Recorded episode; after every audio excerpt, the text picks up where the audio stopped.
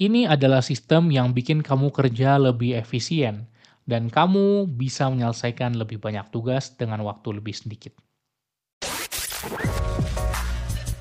Halo, selamat datang di podcast Cerita Pembelajar. Kamu akan mendengarkan cerita mengenai pengalaman, gagasan, dan pembelajaran. Season 13, tantangan 30 hari bikin kamu makin produktif.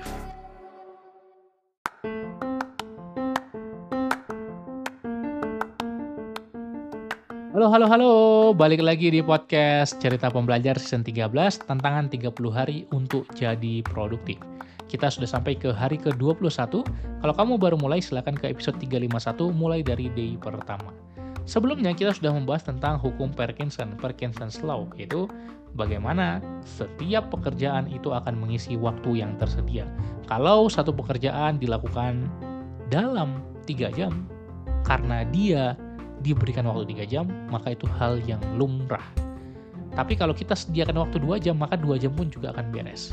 Tentu tidak semena-mena ya, kita sediakan satu menit, satu menit akan auto beres, enggak juga. Tentu kita harus perhatikan kapabilitas kita juga. Ini adalah hukum yang bisa kita terapkan dalam manajemen waktu dan banyak aku bahas juga di program 30 hari manajemen waktu atau jago atur waktu time control system. Kalau kamu mau ikut bisa ke akademiproduktif.com. Jadi bagaimana cara kita memanfaatkan Parkinson's Law ini atau hukum Parkinson dalam produktivitas? Caranya adalah dengan mempersingkat, dengan mengalokasikan waktu yang benar-benar padat, yang benar-benar apa ya? Deadline-nya itu sempit gitu. Supaya apa? Supaya kita terpicu untuk benar-benar menyelesaikannya dan nggak terdistraksi oleh pekerjaan lain, tugas lain, atau hal-hal yang bahkan kurang bermakna. Jadi, ketika kita mau menerapkannya, kita perlu memperhitungkan untuk setiap daftar tugas yang ada dalam to-do list kita masing-masing butuh berapa lama.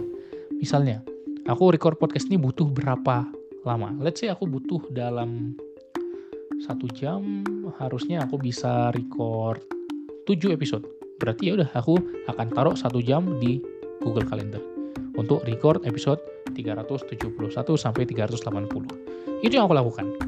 Dengan melakukan seperti itu, aku jadi punya gambaran, oke, okay, hari ini aku ngerjain apa-apa-apa-apa, dan memang masing-masing sudah ditakar, sudah diperkirakan. Kalau misalnya kita tidak memberikan ruang untuk tugas kita, hanya seperti tulis aja.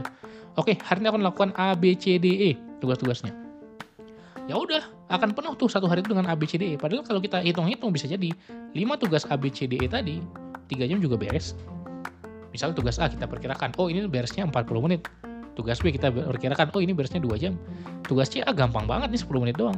Ketika kita memperkirakan seperti itu, kita bisa masukkan ke kalender dengan waktunya masing-masing. Tidak harus setiap tugas itu increment 30 menit, increment 1 jam, 20 menit, 15 menit, 10 menit juga bisa dan ada tugas-tugas yang aku masukin ke kalender yang 10 menit aja, 15 menit aja. Karena memang butuhnya segitu, sering kali kita naruh ke kalender butuhnya 30 menit, 1 jam, akhirnya banyak waktu yang sia-sia. Perhatikan, waktu yang sia-sia ini kalau dikonversi nilainya ke uang itu luar biasa. Kita tahu, waktu itu sangat berharga, tapi kenapa kita masih sering menyia-nyiakannya. Oke, jadi buat deadline yang eh, singkat, yang padat, yang sempit, untuk kita memaksa diri kita meningkatkan fokus dan konsentrasi sehingga kita mencegah tugas yang meluas dari waktu yang disediakan. Semoga bermanfaat dan semoga kamu bisa terapkan dan praktekkan. Sampai jumpa di episode berikutnya. Jangan lupa follow di Spotify, berikan rating, dan bagikan ke IG Story. Salam pembelajar.